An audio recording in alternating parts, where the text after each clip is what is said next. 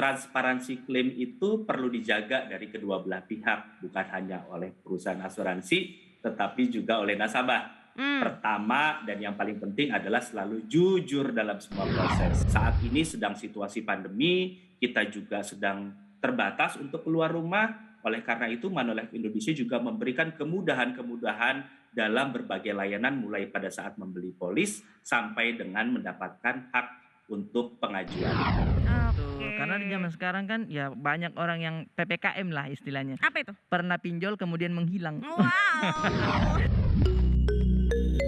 Selamat datang di Duit, podcast yang membahas seputar pengelolaan keuangan. Dalam setiap episode, saya akan berbincang dengan bintang tamu yang menarik dan juga para expert yang akan menjawab segala permasalahan finansial.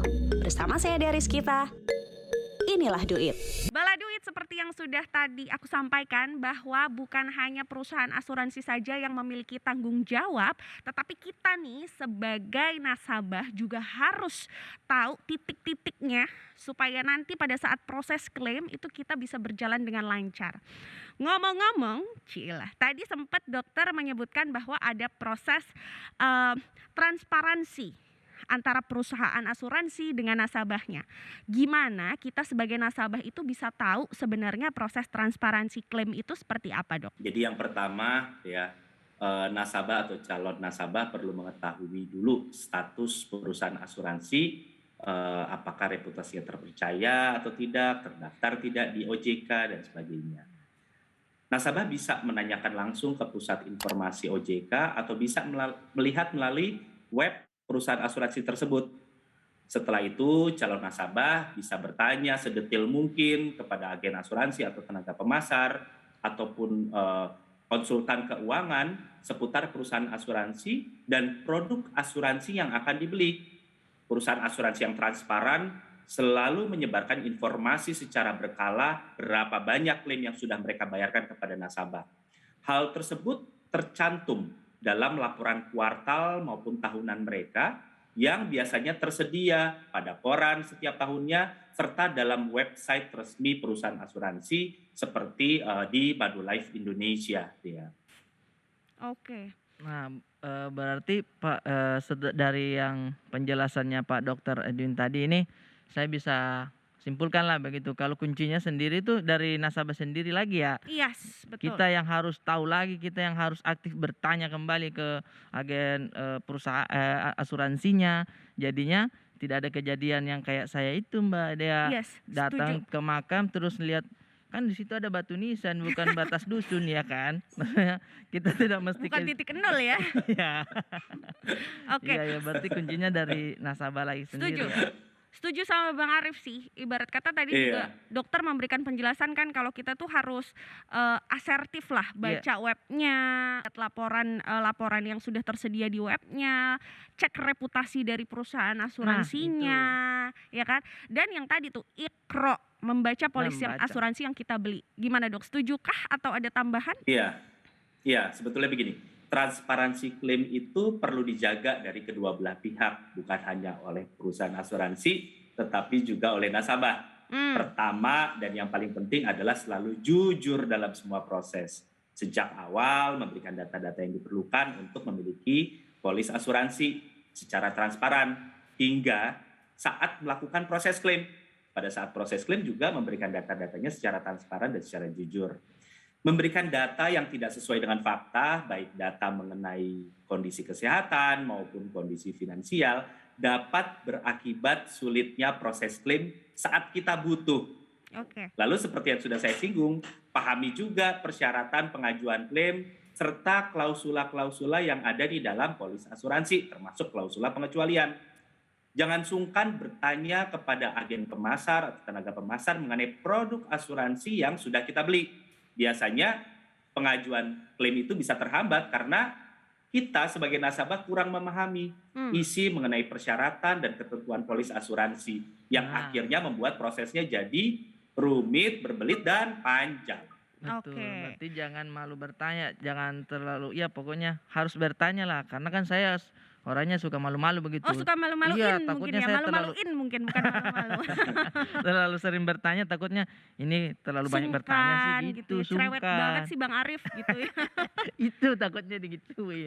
Tapi ngomong-ngomong ini Pak Dokter Edwin di rumah ini kayaknya lagi renov rumah kayaknya Mbak. Tahu ya. dari mana? Itu ada pasang lantai kayu kayaknya, ada gulungan itu styrofoam di sampingnya tuh. Itu apa tuh Pak? Oh, bukan. Bang Arif nih mungkin terbiasa untuk eh, memasang jadinya kayak tahu itu gulungan apa gitu Iya ya. styrofoam lapisannya terus dikasih kayu. Bukan ya Pak Dokter, bukan ya.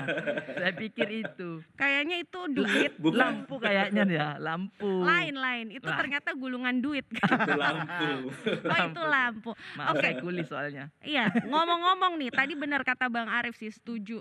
Eh, jangan malu bertanya, walaupun Iya. aku pun juga kadang ketika misal mau tanya ke agen gitu ya, kayak, duh dikatain cerewet nggak ya, Iya, gitu. betul betul. Tapi nggak apa-apa daripada nanti pada saat kita butuh proses klaimnya malah jadi susah. Betul. Nah, aku punya beberapa tips buat Bala Duit dan juga Bang Arif nih kalau Nah. misalnya pengen klaimnya lancar menurut pengalaman aku pribadi. Yang pertama betul trans transparan juga kita sebagai nasabah ketika awal bikin laporan itu tentang kesehatan kita kita sejujur-jujurnya mengisi itu yang Iya. pertama. Terus yang kedua kita juga jangan sampai skip Ya, itu. untuk bayar ketika memang tidak ada tidak ada apa ya ketika tidak ada hambatan ya jangan lupa dibayar gitu Iya. ya walaupun tadi adalah masa pemulihan dan lain-lain tapi akan lebih baik ketika kita bayar setiap jatuh temponya Terus yang ketiga, aku punya tips lagi kalau misalnya dokumen-dokumen asuransi itu sebenarnya memang nggak segede buku telepon sih, tidak. cuma ya. memang agak tebal juga. hiperbola aja. Iya hiperbola aja. Supaya nggak kececer-cecer bala duit itu bisa dijadiin di satu map. Dan Oh, dijadiin di iya. satu mapnya tuh sekarang pas lagi sehat gitu. Jadi kita tahu ketika nanti misalnya mau klaim itu kita ngambil map yang mana. Iya. Jangan baru ketika sakit, Baru dicari. baru menyusun, Baru menyusun. mencari ini di mana itu di mana. Dicarilah ijazah SD, Ya, ijazah eh, SMA. kan gak kepake juga ya kan. Apalagi Tapi ada Mbak Dea, maaf, Ya. itu ada nyamuk di sininya tuh. Nah, Ya ah, ampun. mantep kan? Terlalu manis kayaknya darahnya. eh, kalau manis sih bukan nyamuk deh kayaknya. Aduh, Nah, untung ya. mantap. Yang penting saya semoga nggak DB ya. Kalau DB juga ada asuransi. Ih, bagus. bener. Tapi amit-amit ya. Tapi amit-amit nggak Iya, mau DB betul. juga. Itu tips dari aku ya tadi. Ya. Satu jujur ketika ngisi surat permohonan pengajuan. Dua juga harus bayar preminya teratur, tertib, jangan sampai skip. Dan yang ketiga, jangan lupa nih ditaruh di dalam satu map sehingga sewaktu-waktu kalau misalnya bala duit butuh, Bang Arif butuh, udah tinggal ambil map itu aja. Iya, iya, Gitu. iya. Siap, siap, siap. Dari Bang Arif ada yang mau ditanyain ke Dokter Edwin? Nah, eh, Pak Dokter, saya mau bertanya nih. Ini kan sekarang kondisinya lagi pandemi seperti ini. Ya. Kan dari obrolan Pak Dwin tadi, Pak Dokter, saya jadi terbuka nih. Ternyata tidak se mengerikan itulah ya, Ya. kan. Nah, saya nih tertarik begitu Pak Dokter. Tapi sekarang lagi pandemi. Bisa ada tidak online-nya begitu kalau kita mau Nah, Gimana tuh, daftar Dok? begitu? Ya, ini sesuatu yang menarik. Jadi memang eh, Manulife Indonesia menyediakan beberapa eh, layanan-layanan online, baik untuk membeli polis asuransi maupun untuk pengajuan klaim eh, asuransi, termasuk kalau ada proses-proses misalnya ingin melakukan perubahan polis, pemulihan polis, itu bisa dila- dilakukan secara online. Contohnya eh, untuk pengajuan klaim misalnya. Untuk pengajuan klaim ada yang namanya MII Claim. Kita punya layanan MII Claim untuk pengajuan klaim, jadi semuanya bisa dilakukan di online. Masuk ke dalam website Manulife, masuk kemudian masuk ke layanan klaim, kemudian kita bisa melakukan proses pengajuan klaimnya dengan mengisi formulir elektronik dan mengupload dokumen-dokumen klaim yang dibutuhkan sesuai dengan persyaratan yang tercantum di dalam polis asuransi. Jadi layanan-layanan ini diberikan atau disediakan karena kita juga memahami saat ini sedang situasi pandemi, kita juga sedang terbatas untuk keluar rumah. Oleh karena itu Manulife Indonesia juga memberikan kemudahan-kemudahan dalam berbagai layanan mulai pada saat membeli polis sampai dengan mendapatkan hak untuk pengajuan klaim. Oh, Oke. siap, siap seperti Untuk itu ya. klaim pun supaya kita nggak ketemu banyak orang, supaya nggak harus pergi ke sana kemari, bisa juga lewat online. Cek aja di websitenya Manulife Indonesia. Nah dari Bang Arif sendiri untuk menutup obrolan kita hari ini, kira-kira kamu ada insight apa atau pemikiran apa yang baru kamu dapat di meja ini? Silahkan. Kalau dari saya sih kembali lagi ke nasabah. Ya. Kita harus banyak bertanya, aktif bertanya di awal ini bagaimana prosesnya biar semuanya gampang begitu sehingga kita mau klaim nantinya kalau kita lagi butuh itu prosesnya tidak ribet seperti itu sih. Bagus, bagus nih jelas nih soalnya kita hari Jelas. ini mendapatkan pencerahan dari Pak Edwin. Silakan, Dokter Edwin kira-kira punya nggak nih eh, apa closing statement untuk merangkum obrolan kita hari ini? Iya, baik. Terima kasih dia. Ini dalam rangka menyongsong Hari Pelanggan eh, saat ini tanggal 4 September nanti yang perlu saya tambahkan adalah apabila kita memang ingin membeli eh, polis asuransi, pastikan produk-produk yang ingin kita beli tersebut memang sesuai dengan kebutuhan kita. Jangan eh, lupa berkonsultasi dengan agen atau tenaga pemasar untuk menentukan produk asuransi yang paling tepat untuk kita dan keluarga kita. Kemudian telaah betul tujuan keuangan kita di masa depan dan pastikan bahwa uang pertanggungannya cukup dan preminya sesuai dengan kemampuan kita. Kalau kita sudah membeli, pastikan membaca polis asuransi secara seksama dan pahami betul manfaat apa saja yang kita terima beserta syarat dan ketentuan yang berlaku untuk pengajuan klaim pahami betul klausula untuk pengecualian sehingga kita tahu apa saja yang dipertanggungkan, apa yang tidak. Biasanya klaim akan membutuhkan kelengkapan sejumlah dokumen. Pastikan kita punya daftar dokumen yang dibutuhkan dan menyimpan dokumen-dokumen tersebut sehingga pada saat pengajuan klaim untuk mendapatkan hak kita sebagai nasabah bisa dilakukan dengan baik dan prosesnya lancar. Amin, betul. Karena di zaman sekarang kan ya banyak orang yang PPKM lah istilahnya. Apa itu? Pernah pinjol kemudian menghilang. Wow.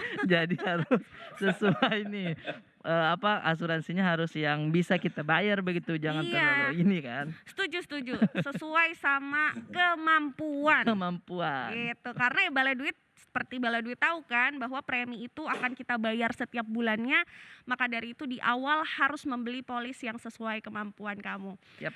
Terima kasih banyak Bang Arif. Sama-sama Mbak Dea. Terima kasih banyak Dokter Edwin sudah ngobrol barengan kita hari ini. Terima Sama-sama. kasih. Terima kasih Balai banyak duit Pak Dokter. sudah dapat Arif. Baladuit sudah dapat pencerahan. Intinya Baladuit yang namanya hak itu datangnya barengan sama kewajiban.